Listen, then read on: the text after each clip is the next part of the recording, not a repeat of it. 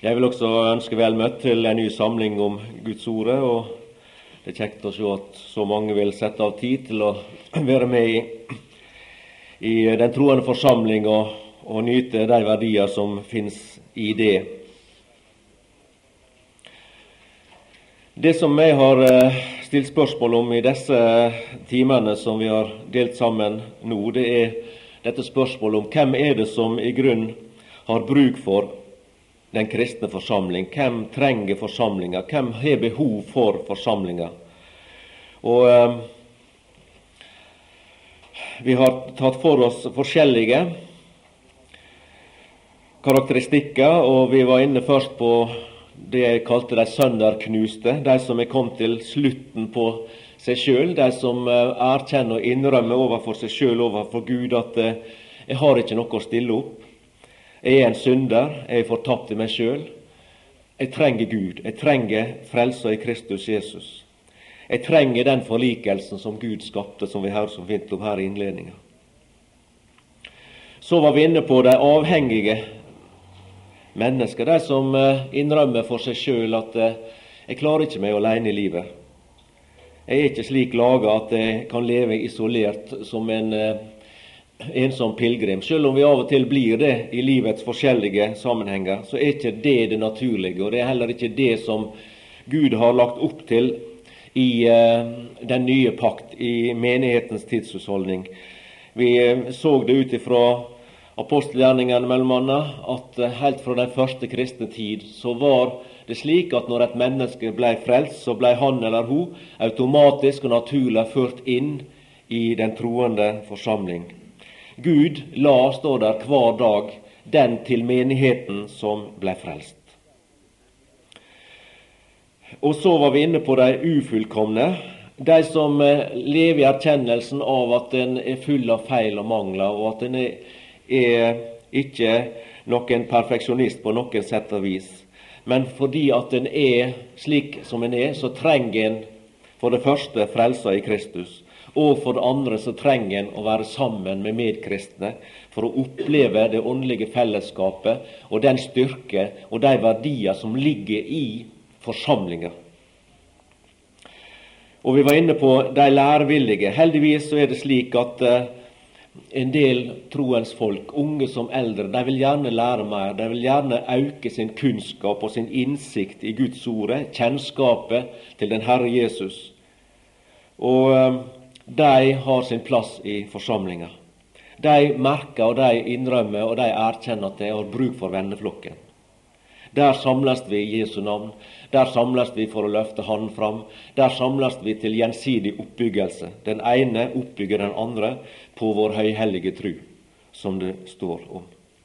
Og til slutt i, i går kveld så var vi inne på de glemsomme. De har også bruk for forsamlinga. Komme sammen i venneflokken og minne hverandre om de ulike sannheter ut ifra Guds ord.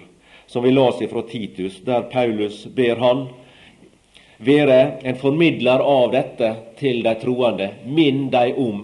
Og så reter han opp de forskjellige ting som han skulle minne de troende om. Og som vi gjennom å lese Ordet også blir minnet om i vår tid, i vår generasjon, her og nå, mens vi er på jord og er er med i Guds forsamling. Det neste som jeg vil stanse for, det er de mennesker som har opplevd eller opplever prøvelser i livet. De som jeg vil kalle for de prøvede mennesker. De har bruk for forsamlinger. De som møter og har opplevd prøvelser av ulike slag. De som har møtt mange motbakker i livet. De som ikke alltid har vært liksom en flat, eh, breie Eh, vei asfaltert gjennom livet. Men der har det vært mye kupert. Der har det vært mye opp, men det har vært mye ned. De har absolutt bruk for forsamlinga. Og jeg har tenkt med den tanken, bare for liksom å sette det inn i, et, inn i en sammenheng Hvor ille det hadde vært hvis Guds forsamling skulle ligne på det bildet jeg nå vil prøve å skissere. Tenk deg en helseklubb et helsestudio eh, der du kan søke medlemskap. Og Tenk deg en slik situasjon der alle medlemmer som, som eh, tegner seg som medlemmer i denne klubben, de går inn for, naturlig nok, å holde kroppen sin og sinnet i toppform. Og i lokalet er der alle mulige ting disponible. De har veiledere, profesjonelle folk, som kan veilede dem i alle ting, finne ut hva slags program som er best, og hvor eh, mye de skal gjøre av det, osv. I tillegg til veiledere så blir, der, blir en inndelt i grupper. En blir inndelt i grupper etter alder, f.eks. En blir inndelt etter grupper etter de interesser eh, for trening som en har. Og alt er liksom leina opp, og alt er på sin plass. Og hver enkelt de har alle mulige hjelpemidler til disposisjon. Men det er bare ett problem. Og det problemet er at de mennesker som søker medlemskap, eh, men som ikke oppfyller de ideale krav som denne klubben stiller, de blir avvist. De blir stille og rolig, men vi kan si hjerteløst avvist. De kommer ikke med. De blir fjerna. Hvis de kom på lista, så blir de fjerna av listene. Og Da kan vi tenke oss at det vil være mange som ikke får bli medlemmer i den klubben. Det er mange av oss som er her på møte i dag, som ikke vil bli medlem. Noe, og Noen av oss er kanskje eh, tungpusta. Noen har astma. Noen har eh, hjertetrøbbel. Noen har andre ting som plager deres kropp. De har ikke kjangs til å komme inn og bli medlemmer her. For De følger ikke opp idealet. De kan ikke gå inn i det som er ramma i denne klubben. Og Derfor så blir de stående utenfor. Guds forsamling, den forsamling som Kristus bygger, den er ikke slik. Heldigvis for deg og meg. For da vil det kanskje de fleste av oss stå på utsida. Hvis det var slik at det var ideale krav som ble stilt, og for å komme inn og bli medlem eller lem inni dette systemet, så måtte vi tilfredsstille disse kravene. Vi må gå inn, gå inn og passe i den ramma. Da ville de fleste av oss ikke passe i den ramma. For vi ville være, vi ville være ufullkomne. Vi ville være glømsomme. Vi ville være av disse forskjellige eh, tinga som vi har nevnt tidligere. Og slike ville ikke det være plass for. Nei, heldigvis for deg og meg, så er det slik at i den menighet Kristus bygger Og der vil jeg en parentes nevne og uttrykke enorm glede for at det er akkurat det uttrykket står i Det nye testamentet. At på denne klippet vil jeg bygge. Det er et ord som jeg stadig vekk kommer tilbake til for min egen del. Stadig vekk gleder meg over. Vil jeg bygge. Det betyr at det er, ikke, det er ikke du og jeg som bygger, men det er Han som bygger. Og det får meg til den tanken og den tru og den overbevisning ut ifra Guds ord ellers også, at dette byggverk, det blir gjennomført uavhengig av oss. Vi blir invitert, som jeg hører fra 2. Korintiabrev 5, til å være med. Å være med og forkynne evangeliet. Være med å bringe forlikelsens budskap ut til folk. At Gud har forlikt seg med mennesker i Kristus, og at du kan få del i denne forlikelsen ved å gi ditt liv til Han. Men om vi ikke vil være med, og vi stiller oss utenfor dette, så vil han bygge. Han bygger likevel. Og Derfor så er det et privilegium som han gir oss, at vi får være med som hans medarbeidere. Men hvis vi sier nei takk til det medarbeiderskap, så bygger han videre likevel. Til det byggverk er fullkommet, og han tar det hjem. Tenk hvis det sto at eh, og på dette klippet eh, skal dere bygge min menighet. Den hadde aldri blitt ferdig. Den hadde aldri blitt ferdig.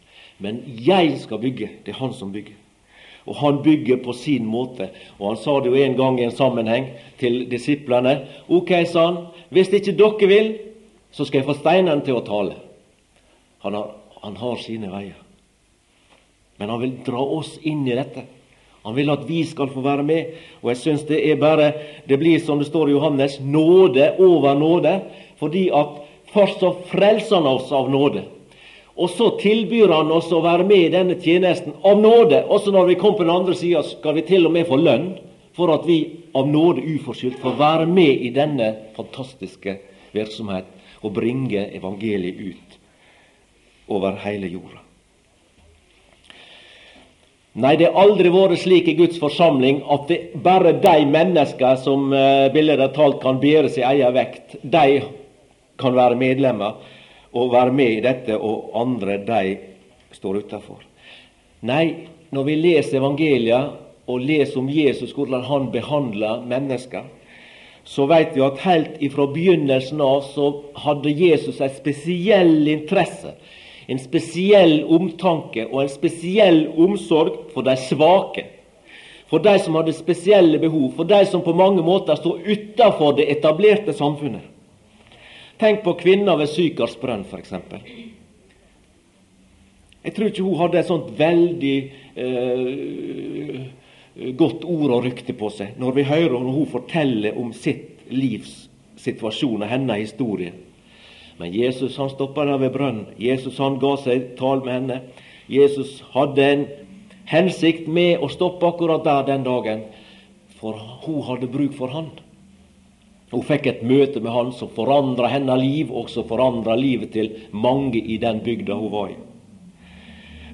Tenk på han stakkaren ved Betestadammen, som i 38 år hadde leie der, hjelpeløs, og sett hver gang engelen kom og rørte opp vannet, så var det folk som kom ned der før han. Det var hans største ønske og hans største lengsel på jord å bli frisk, men han nådde aldri ned i vannet til rett tid. Det var alltid noen som kom før han. Og så kommer det Guds lamme Jeg syns det er så fint hver gang jeg tenker på det. Det Guds lam som bærer verdens synd, trådte en dag inn gjennom fåreportene i Jerusalem. Der som alle offerdyr gikk inn for å bli brukt i tempeltjenesten, der gikk han sjøl inn, det egentlige og sanne og virkelige Guds lamme. Og så møtte han en stakkar der ved Betestadammen, som du veit betyr barmhjertighetens hus. Og så skapte han der og da et barmhjertighetens hus som en stakkars synder fikk flytte inn i. Og han fikk et nytt liv. Stå opp, ta i senga og gå, var det en som sa. Og det gjorde han. Han som hadde leid der i 38 år. Han vandra frisk ut derifra etter et møte med den Herre Jesus. Det er slik Jesus er. Han møter mennesker som har behov for han. Han møter synderen. Det er de han interesserer seg for. Ikke de friske, sa han.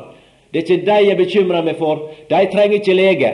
Men de syke, det er de jeg interesserer meg for. For jeg er den store lege. Jeg er sjelelegen som kommer med frelse og fred og evig liv. Og slik er han i dag også. Han er omtanke for de svake. Han er omtanke for de eh, som har det vondt og vanskelig i verden. Han er omtanke og omsorg og et spesielt hjertelag for de mennesker som er, er blant de prøvede mennesker. De som er motgang, de som opplever nød i livet, sorg osv., som vi kjenner til. Og Det forundrer meg mange ganger, men vi heldigvis så ser vi stykkevis eh, og har ikke det overblikk som den Herre Jesus. Men jeg tenker bare hjemme der jeg kommer ifra. Og når jeg ser liksom utover, så ser jeg at Og jeg kjenner mennesker som jeg liksom av og til tenker på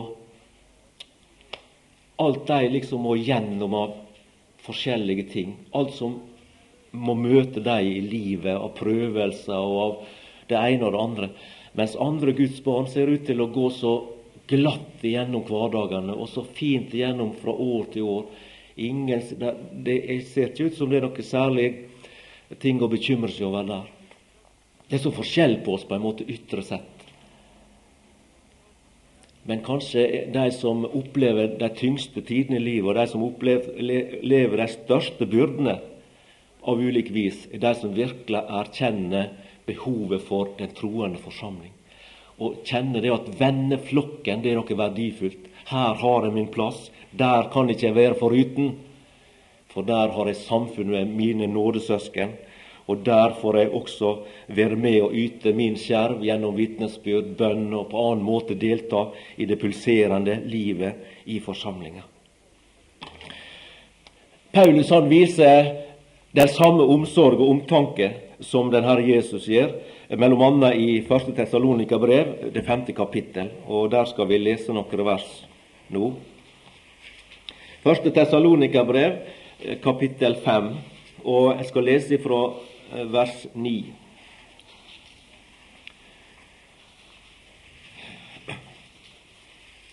For Gud bestemte oss ikke til vrede, men til å vinne frelse ved vår Herre Jesus Kristus han som døde for oss, for at vi, enten vi våker eller sover, skal leve sammen med ham. Forman derfor hverandre, og oppbygg den ene den andre, som vi også gjør. Men vi ber dere, brødre at de skjønner på dem som arbeider blant dere og er deres forstandere i Herren og formaner dere, og at de holder dem overmåte høyt i kjærlighet for deres gjernings skyld. Hold fred med hverandre. Og vi formaner dere, brødre, påminn de uskikkelige, trøst de mismodige, hjelp de skrøpelige, vær langmodige mot alle. Se til at ingen gjengjelder noen ondt med ondt, men legg alltid vind på det som godt er, mot hverandre og mot alle. Det som vi las her, denne type omtanke og omsorg for hverandre og for medmennesker, som har Paulus her eh, lista opp, det er i grunnen ikke noe som kommer av seg sjøl. Det ligger ikke vår menneskelige falne natur så lett for handa å opptre på denne måten. Tvert imot så er det ofte vel slik vi opplever det, i hvert fall jeg, at det naturlige ofte er at en blir utålmodig. En reagerer utålmodig mot folk som kommer og på en måte forstyrrer oss eller som vil legge beslag på tida vår, eller som vi føler virker innpåslitne, eller hva jeg skal nå uttrykke det. Vi har ikke den der eh, slik naturlig liggende i oss, i vår natur, at vi er liksom åpne og milde og saktmodige og alle disse tinga som er lista opp her. Tvert imot så er vi mer sånn at vi blir snart irriterte. Vi lar oss forstyrre. Vi lar oss frustrere hvis det ikke liksom eh, passer oss. Vi frykter kanskje at det er folk som kommer nær innpå oss, at de, de eh, drar oss ned, liksom. I stedet for at de løfter oss opp, eller, eller at de, de, drar fortere ned enn hva vi klarer å løfte dem opp, hvis vi har slike tanker om at vi skal kanskje øh, øve en positiv innflytelse på dem. Men eh, Paulus han minner oss her om noe veldig viktig i vers 9. Og det er at det, han sier rett ut at Jesus han hadde ikke vrede i tankene. Det er ikke det som ligger Jesus nær å tenke når han tenker på mennesker, på synderen og på de forskjellige stakkarene. Så er ikke det vrede, irritasjon, harme og avvisning. Det er ikke det som ligger han i tanken eller på hjertet. Nei, det er frelse Det er frelse. Gud bestemte oss ikke til vrede. Det var ikke det som lå Gud på hjertet, å sende oss i den evige fortapelse, som vi var verdige alle sammen, og som vi fortjente alle sammen. Men hans tanke, hans hjerte, hans sinn var opptatt frelsesplan. Det var det han la. Frelse var det han var interessert i. Å tilføre eh, mennesker. Frelse. Gud bestemte oss ikke til vrede, men til å vinne frelse ved vår Herre Jesus Kristus. Og det er liksom det du og jeg også burde ha i tanken. Men som jeg sier, så er ikke det enkelt i hverdagen, i det daglige, den daglige dalten og dunten og tralten som vi er så er vi ofte så lite, i hvert fall det, gjelder det meg, så lite åndelig fokusert, så lite åndelig orientert i tankelivet det blir mer disse timelige, disse materielle tinga, arbeid og det som opptar en i hverdagen. Men hvis en var litt mer fokusert på uh, de viktige tinga i livet, og det som egentlig gjelder, så ville vi være fokusert på det også i møte med andre mennesker, i møte med arbeidskamerater, i møte med naboer og hvem vi enn måtte nevne. Så at vi ikke lot oss irritere, ikke lot oss provosere, ikke lot oss forstyrre, ikke lot oss vise utålmodighet og aggressivitet og alle sånne ting, og på en måte vise at dette her er jeg ikke interessert i, dette har jeg i grunnen ikke tid til, osv. Men at vi hadde det i tanken, at vi, vi hadde frelse i tanken.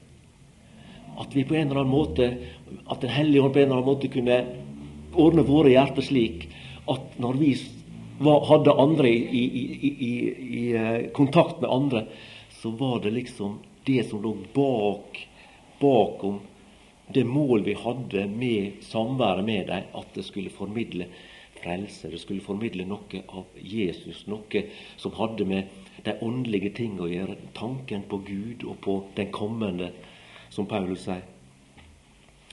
At mennesker skulle få tanker om, om den evige verden. Og Det fortsetter han her da ned gjennom disse versene og, og peker på. At det, han vil at du og jeg skal følge Herrens eksempel når det gjelder å vise omsorg, når det gjelder å hjelpe andre mennesker. Se vers 11. Forman, og jeg bruker om igjen ordet oppmuntre, for det kan også brukes på det ordet.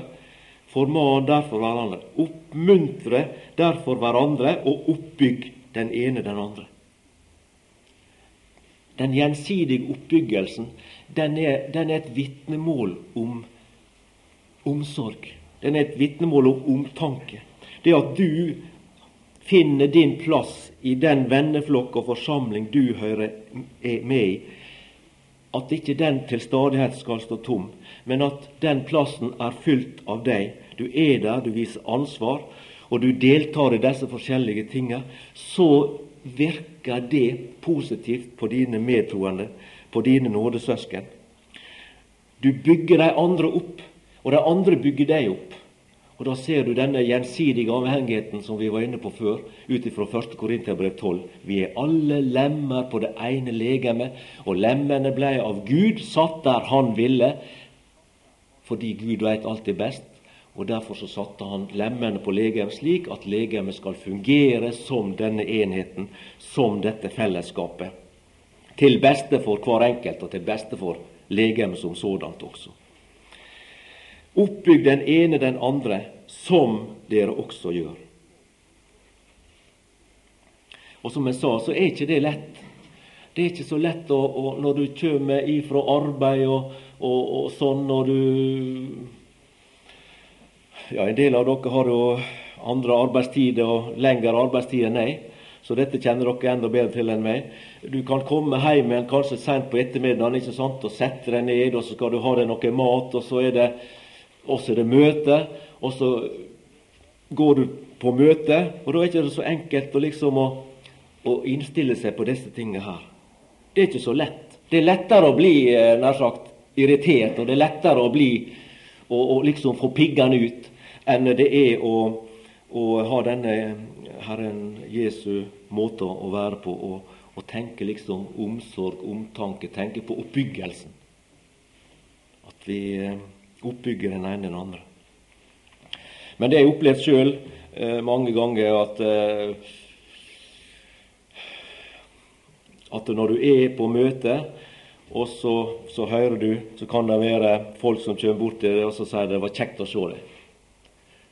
Og det tror jeg de mener. Og da føler jeg det at eh, det at jeg var på møte, det gjorde at noen syntes det var kjekt å se meg. Eh, og det gjorde at de fikk gode følelser, og de fikk liksom, ble litt oppmuntra av det. Og, og, og, det har verdi. Så bare at en er på plassen, eh, sånn det får andre til å fatte mot, som han sier om Paulus også. Når han så brødrene, så fatta han mot. Så jeg tror at du og jeg i forsamlinga er nyttige på mange måter som vi til vanlig ikke tenker over. Fordi at vi kan jo ikke vite hvordan de andre oppfatter oss. Men jeg vet iallfall sjøl av egen erfaring at når det, når det er mennesker, troende, som du liksom ser etter og Det var ikke i dag, og ikke var der i går, og, og så går det ei uke, og så blir det nye møter. Så, altså, du, du savner dem, ikke sant? Du har opplevd det samme, du også. Da, da, du savner dem, du tenker på hva er det hva er det som gjør at de ikke er her, osv. Så sånn. Da viser det at vi har bruk for hverandre, og at hver enkelt av oss er verdifull i forsamlinga som dette ene lemmet sammen med det andre lemmet. Og Vi skal gjenta og lese om igjen disse versene, noen av dem i hvert fall, og bare trekke ut noen av de tingene som er vår utfordring som troende i forsamlingssammenheng. da. Det er mellom annet det vi leser i vers 12 og 13. At du og jeg respekterer de trofaste lederne. At vi respekterer dem, at vi har omsorg for dem, at vi ber for dem, at vi støtter dem, i stedet for, som, vi, som ofte kan være, at vi kritiserer. Og at vi gjør hverdagen tyngre for dem. De har et ansvar som kanskje vi slipper å ta på oss i lederskap. Og de må gjøre ting, og de må bruke tid og krefter som du og jeg, som ikke eh, har det ansvaret, slipper. Men vi kan på vår plass støtte dem gjennom omtanke, gjennom forbønn, gjennom respekt, som her står i vers 12 og 13. Vi ber dere brødre at dere skjønner på dem som arbeider blant dere og er forstandere i Herren, og formaner dere. Et ansvar som de prøver å utføre eh, med trofasthet. Og så er du og jeg, vi må støtte. Være støttespillere, respektere dem for deres gjernings skyld og holde dem høyt i ære og i kjærlighet, som det står her. Eh, det andre jeg har nevnt, det er i vers 14. Det er at i forsamlinga eh, så er vi med å advare de uskikkelige, som det står her. Påminn de uskikkelige. Og det er nettopp, Jeg var inne på det tidligere også, at det, når vi møtes i forsamlinga og Guds ord blir forkynt, så har vi mulighet for kurskorreksjon. Hvis ikke vi blir kjent i Skriftene, og hvis ikke vi veit hva som er Guds mønster i de forskjellige sammenhenger, så kan ikke vi korrigere vår egen kurs. Da går vi på en måte, setter vi kurs etter egen nese. Etter eget forgodtbefinnende. Og den kursen den fører til havari. Det må vi si. Men når vi leser ordet heime hver for oss, og når vi samles sammen i flokken, og ordet blir forkynt, eller i vitnemøte, eller i skriftlesing, hva det nå enn måtte være, så der ordet blir løfta fram, da får vi anledning til å endre kurs. Gjennom det så kan vi være med å formane hverandre, oppmuntre hverandre, og påminne de uskikkelige, som her står. Og vi skal også få være med i vers 14 og trøste de mismodige. Der er noen i forsamlinga i flokken som av og til kan være i livssituasjoner der de blir mismodige, der de blir nedbøgde, der de på en eller annen måte har nød og sorg i hjertet. Og så kan du og jeg som medsøsken få være med og trøste dem. Og være med å støtte dem og være med å styrke dem ved at vi er der. Og en kjenner fellesskapen og omsorgen og varmen i forsamlingen. Der står også at vi får anledning til å, å hjelpe de skrøpelige. Hjelp de skrøpelige. Vær langmodige mot alle. At vi prøver å søke det gode for alle. Det er, ikke, det er ikke, godt for oss, det, for som vi også hører i, i åpningsorda, vi sliter med det gamle. Og det stikker seg stadig fram. Det merker iallfall jeg på min, i mitt eget liv. Det stikker så altfor mye fram, denne gamle naturen. Denne ugudelige naturen, denne syndige naturen. Denne som ikke vil ha noe med det som har med Gud å gjøre, men som prøver å sette snubletråder for meg stadig vekk.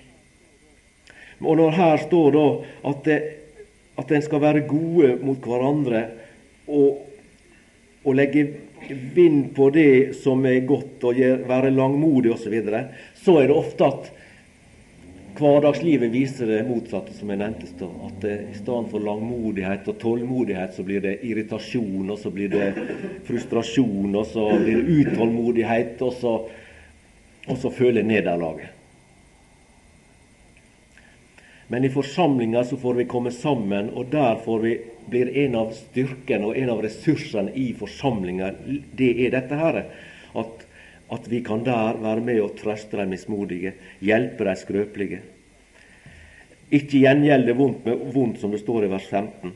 Se til at ingen gjengjelder vondt med vondt. Men i stedet for det, legg alltid vind på det som godt er, mot hverandre og mot alle. Altså at du og jeg som et Guds barn søker det gode for alle.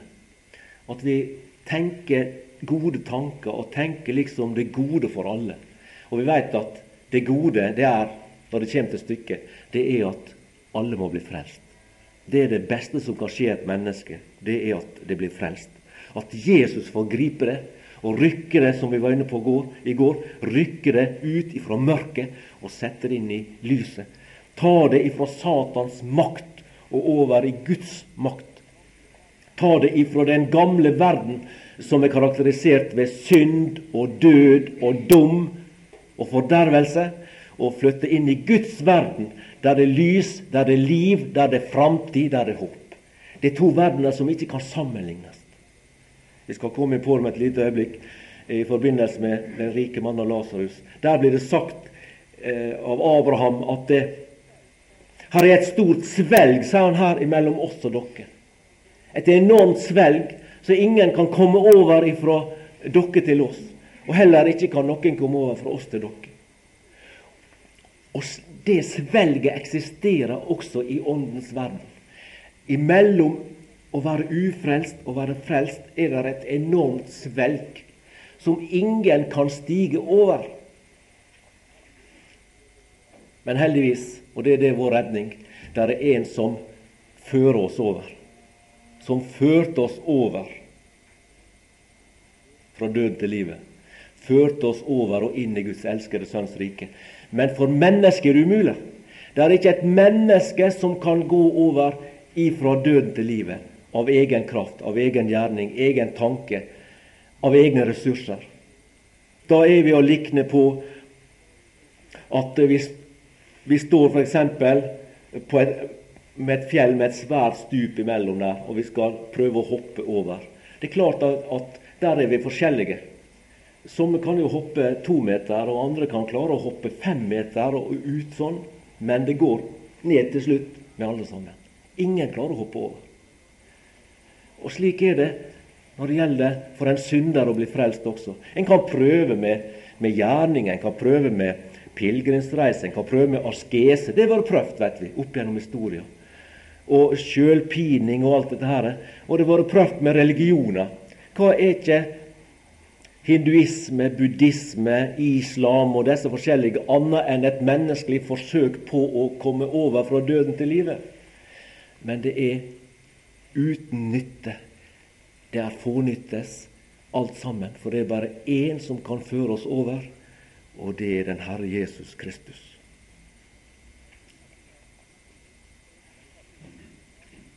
Men han kan, heldigvis.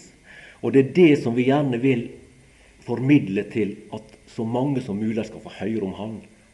Høre om Han som kan frelse deg, Han som kan redde og berge deg, Han som kan føre dem over.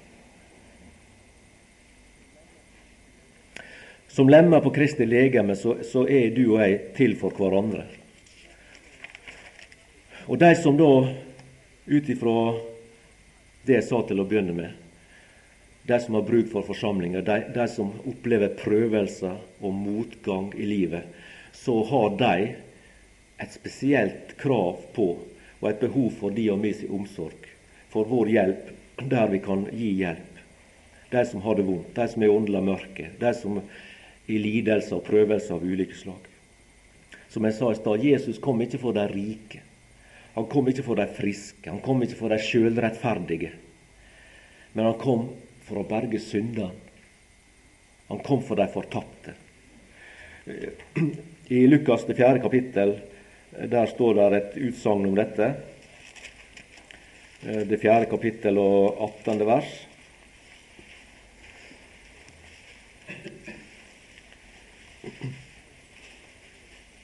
Herrens ånd er over meg, fordi Han salvet meg til å forkynne evangeliet for fattige.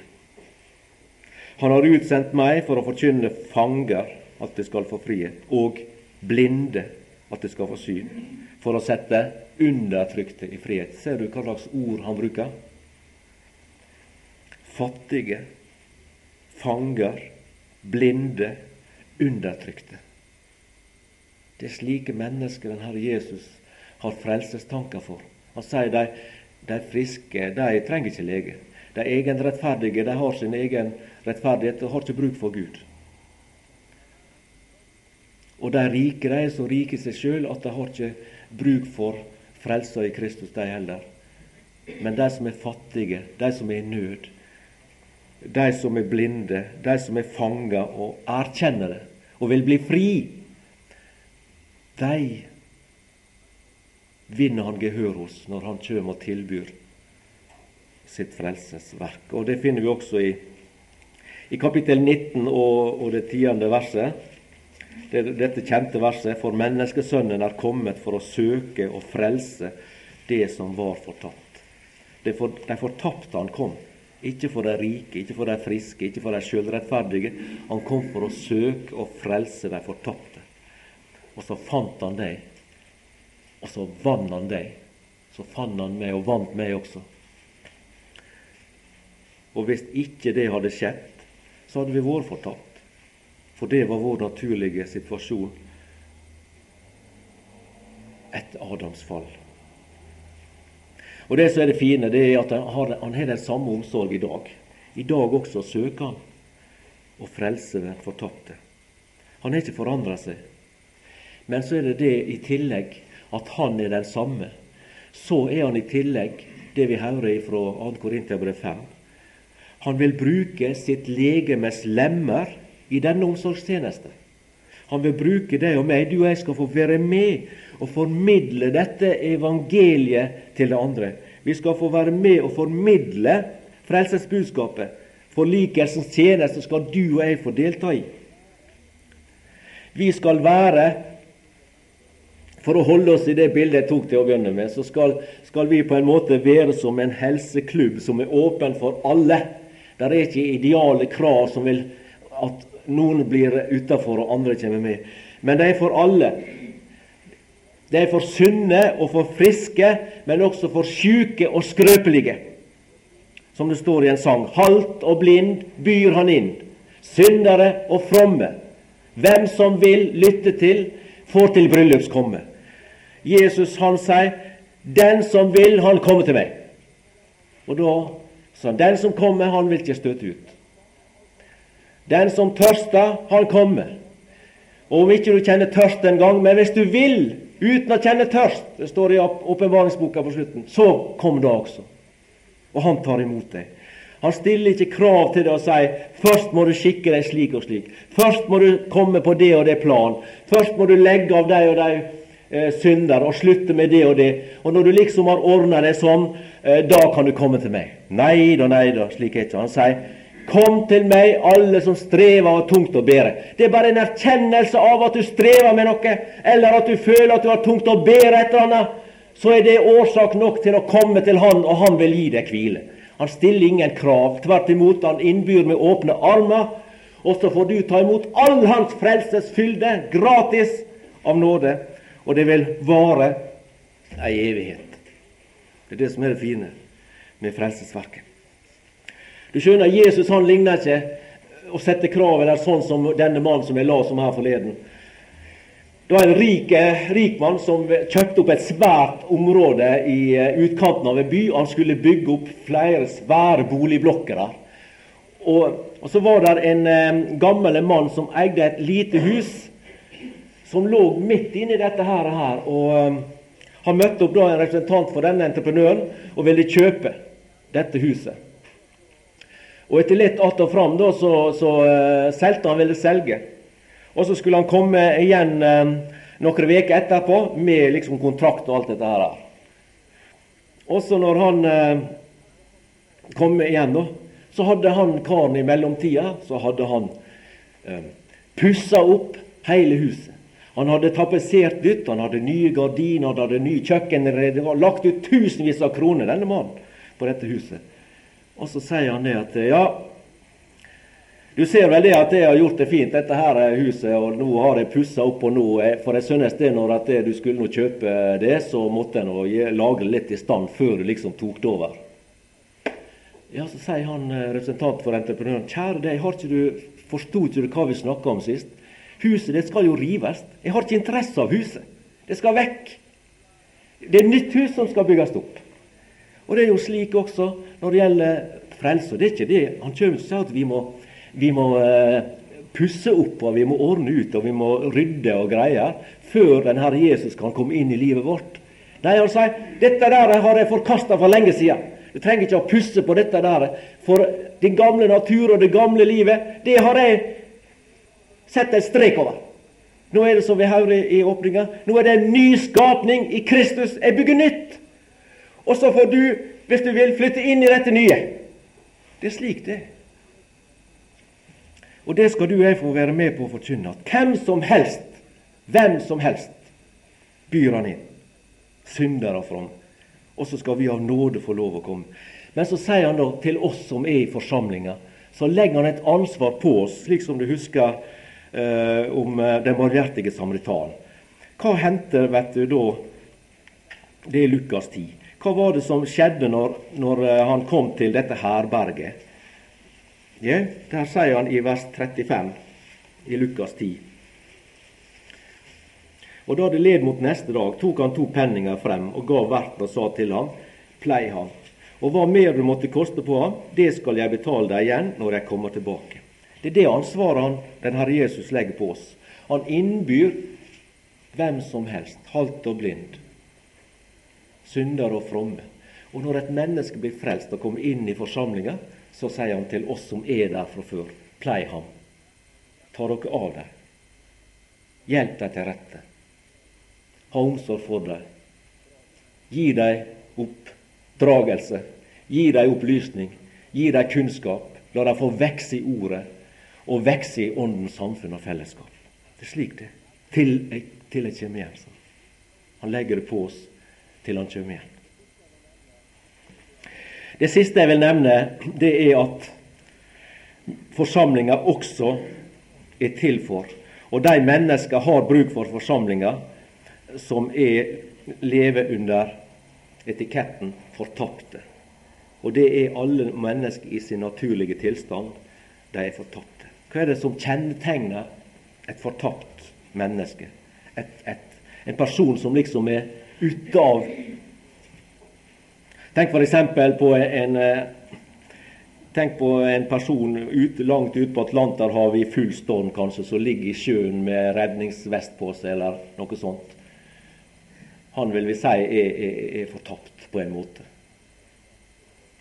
Han er ute av stand til å gjøre noe for egen redning. Og der er ikke noen som i milevis omkrets som kanskje veit om vedkommende og kan trå til og redde. Vi har lest i avis om, om små barn som vandrer uti om kvelden ute i skogen for eksempel, forsvinner iblant trærne, og, og en finner ikke dem igjen. Før det er for sent, kanskje.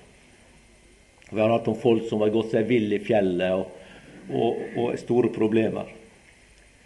Vi kan si det kort at fortapte mennesker, det mennesker som, som i utgangspunktet er utestengt fra hjelp. Ikke kan de finne vern, ikke kan de finne ly, åndelig talt. Ikke kan de finne mat. Og de trenger hjelp. Og Det som er det triste, det er jo at de fleste mennesker de vet egentlig ikke hvem de er. De vet ikke at de i utgangspunktet er Guds skapning. De vet ikke mange av storparten av jordens befolkning i dag i 1995 de kjenner ikke Gud. De har ikke hørt navnet Jesus. De vet ikke at Han kom for å frelse syndere. De vet ikke at det fins en himmel. De vet ikke at det fins et helvete. Og de vet heller ikke hvor hen de skal søke hjelp. De ligner vel på de som Paulus møtte en gang, som du husker, der hadde skrevet til en ukjent Gud. De har et, en følelse uh, og et behov inni seg og en lengsel etter noe annet enn det, uh, det de opplever, men de vet ikke hva de lengter etter. De vet ikke hvem de skal henvende seg til. Det er ukjent for dem. Og da har jeg lyst til, selv om det er et forferdelig eh, skriftavsnitt, så skal vi lese til slutt i dag fra Lukas det 16. kapittel. Bare for å vise noe av det, det som karakteriserer eh, et fortapt menneske. Og Det viser også hvor viktig det er for deg og meg som er med i forsamlinga, som er lemmer på Kristi legeme, at vi er med i denne tjenesten som vi snakker om. Først står det i vers, 16 i, nei, vers 19 i kapittel 16. Det var en rik mann, og han kledde seg i purpur og kostelig linklær, og levde hver dag i herlighet og glede. Og Så hopper vi over til eh, vers 24. Da ropte han, Fader Abraham, forbarm deg over meg, og send Lasarus, eh, for jeg pines storlig i denne lue. Men Abraham sa, Sønn, kom i hu at du fikk ditt gode i din levetid, og Lasarus likeså det onde. Men nå trøstes han her, og du pines.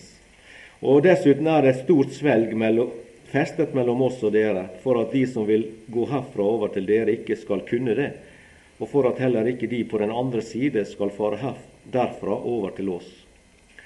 Da sa han, så ber jeg deg, Fader, at du sender ham til min fars hus, for jeg har fem brødre, for at han kan vitne for dem, så ikke også de skal komme til dette pinested.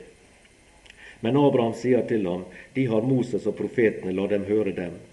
Men han sa, nei, fader Abraham, men om noen fra de døde kommer til dem, da omvender det seg. Men han sa til ham, hører de ikke Moses og profetene, da vil de heller ikke tro om noen står opp fra de døde. Det jeg vil minne om her, det er, noen ting. Og Det første det er at, som vi leser her i vers 19, at uh, et fortapt menneske bør ikke må se ut som et fortapt menneske. Hvis vi skulle liksom rent ytre sett og menneskelig sett hvem som var i den verste situasjonen av den rike mannen Lasarus, så ville de fleste si Lasarus.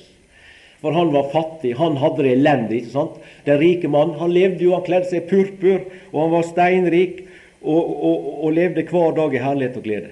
Det var jo kjempegreier. Hvem kan ikke tenke seg inn i å, å være i en sånn situasjon? Det er mange som ønsker seg i hans stilling, ønsker seg inn i hans livssituasjon. Men han var den som hadde det verst. Han var fortapt. Lasarus, han hadde det bedre. Men det viste ikke det ytre. Og det som kanskje er enda verre, det var at han sjøl, den rike mannen, ser heller ikke ut til å oppfatte seg sjøl som fortapt. Han levde i sus og dus og i herlighet og glede og så ut til at det var livet som han ville fortsette å leve. Han hadde det greit, han hadde det kjekt. Og er ikke det slik også i, i dag med de som vi omgås, kanskje av våre nære, våre nærmeste og kjære som ikke er frelst, de også lever sånn at vi kan ikke rent ytre sett peke på den og si de er ufrelst. Og de sjøle heller, som ufrelste, erkjenner ikke sin fortapte situasjon. De lever og ser ut til å, å, å, å ha det greit på alle måter, og virker så tilfreds med livet ofte at det er nesten sånn at vi som er troende, kan misunne dem. Som det står om i en av salmene. Det var sånne misunnelsestanker som steig opp når han så på de ugudelige, hvor vel det gikk med dem osv. Men de er en forferdelig dramatisk situasjon.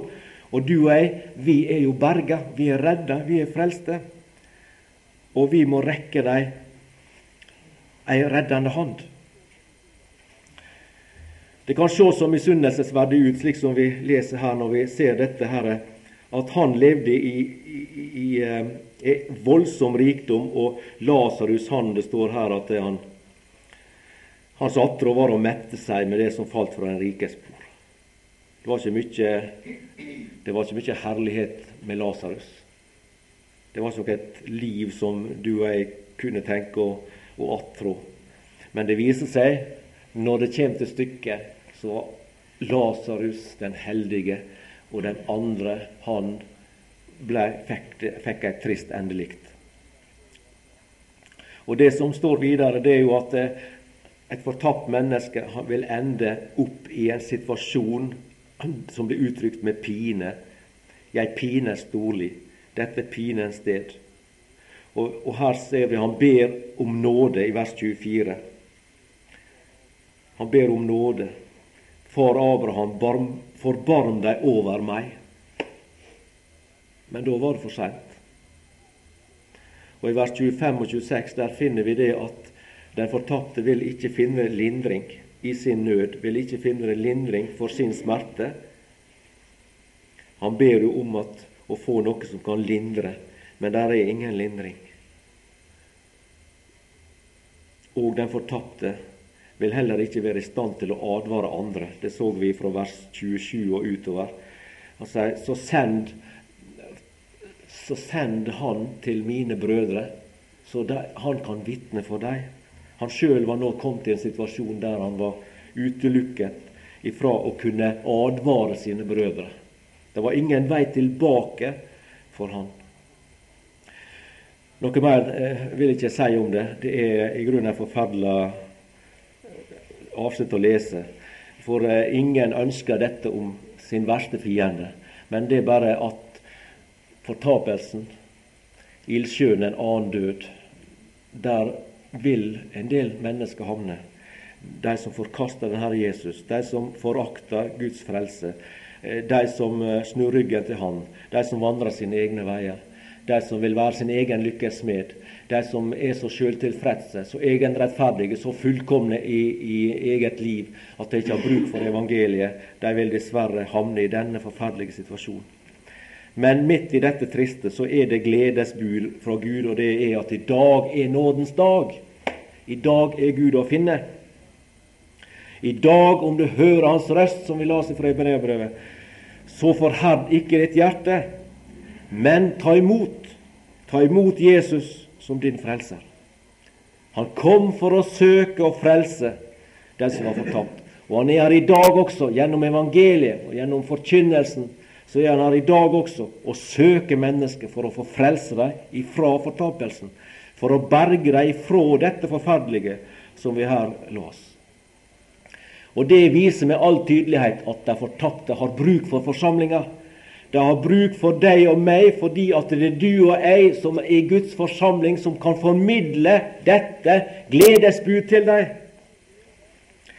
Og forkynne ei stor glede, slik som de gjorde der ute på Betlehemsmarka den dagen. I dag er det en frelser født, som er Kristus Herren.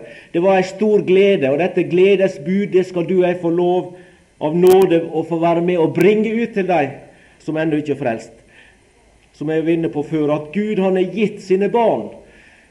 Kristus har satt sine lemmer inn i denne sammenhengen og være med å spre evangeliet om nåde og frelse ut til hele verden, slik som vi leser i siste kapittel i Johannesevangeliet. Lukas 24 og vers 47 og 48. Og i Hans navn skal omvendelse og syndenes forlatelse forkynnes for alle folkeslag, fra Jerusalem av. Dere er vitner om dette. Og det sier han til oss i dag også. Dere er vitner om dette. Hans navn, I hans navn skal omvendelse og syndens forlatelse forkynnes for alle folkeslag. Fra Jerusalem av, fra Åkra av, fra Valdre av og utover i større og større ringer ut til alle verdens ender. Det har han utfordra oss til. Han, den sammenhengen har han satt oss inn i. Og Derfor så har de fortapte bruk for forsamlinger. For det er forsamlinger som formidler dette budskapet ut. Vi må, vi må fortelle dem at Johannes 3, 16 er sant. Johannes 3, 16, Det er sant at så har Gud elska verden. Det er sant, det. At han ga sin sønn den enbårne for at hver den som tror på Han, ikke skal fortapes. Det er det han vil berge dem fra. Gud vil ingen synders død, men han vil at alle skal omvende seg og leve, for at de ikke skal fortapes, men ha evig liv. Det må de få vite. Det må vi fortelle dem. Fortell det gamle budskap, det beste som jeg vet, om Jesu makt og nåde og om Hans kjærlighet. Ja, jeg takker deg, Herre, for at dette gamle budskap det ble forkynt meg ifra jeg var liten gutt. Takk, Herre, for jeg vokste opp i en slik eh, god sammenheng. At jeg hadde de som sto meg nære livet. Foreldre som lærte meg om deg, som sang om deg, fortalte om deg. Tok meg med på møter der jeg fikk høre mer om deg. Og sjøl her om jeg en liten periode i, i ungdomslivet var borte ifra deg å vandra på syndens vei, så, så vet jeg at eh, det å høre og det at jeg hadde de som ba for meg, det var medvirkende til at du nådde meg og fikk tak i meg igjen. Så takker jeg deg for at eh, det jeg fikk oppleve som vi synger i en sang, at eh, jeg hørte en lokkende stemme tidlig i ungdommens vår. Og denne stemma, det var de hyrdestemme, Herre, de frelserstemme som kalte meg og lokka meg inn i ditt samfunn. Takk for at jeg fikk oppleve den nåde å ta imot deg. Og takk, Herre, for at du ikke til denne dag har vist meg bort. Takk for at du til denne dag ikke har slått hånda av meg. Takk for at du til denne dag har tatt vare på meg og bevart meg tross alle mine feil, tross alle mine svik, tross alle mine nederlag, tross alle disse ting, Herre, som skulle gi deg så mange grunner til å kaste meg på båten. Men takk, Herre, for at eh, når du tok meg opp i din frelse, så setter du meg inn i en frelsessammenheng som du kaller for en evig frelse. Det er en varende frelse. Du frelste meg og ga meg syndenes forlatelse. Du frelser meg hver dag gjennom din bevarende makt, og du vil en dag, Herre, frelse meg inn i det himmelske riket.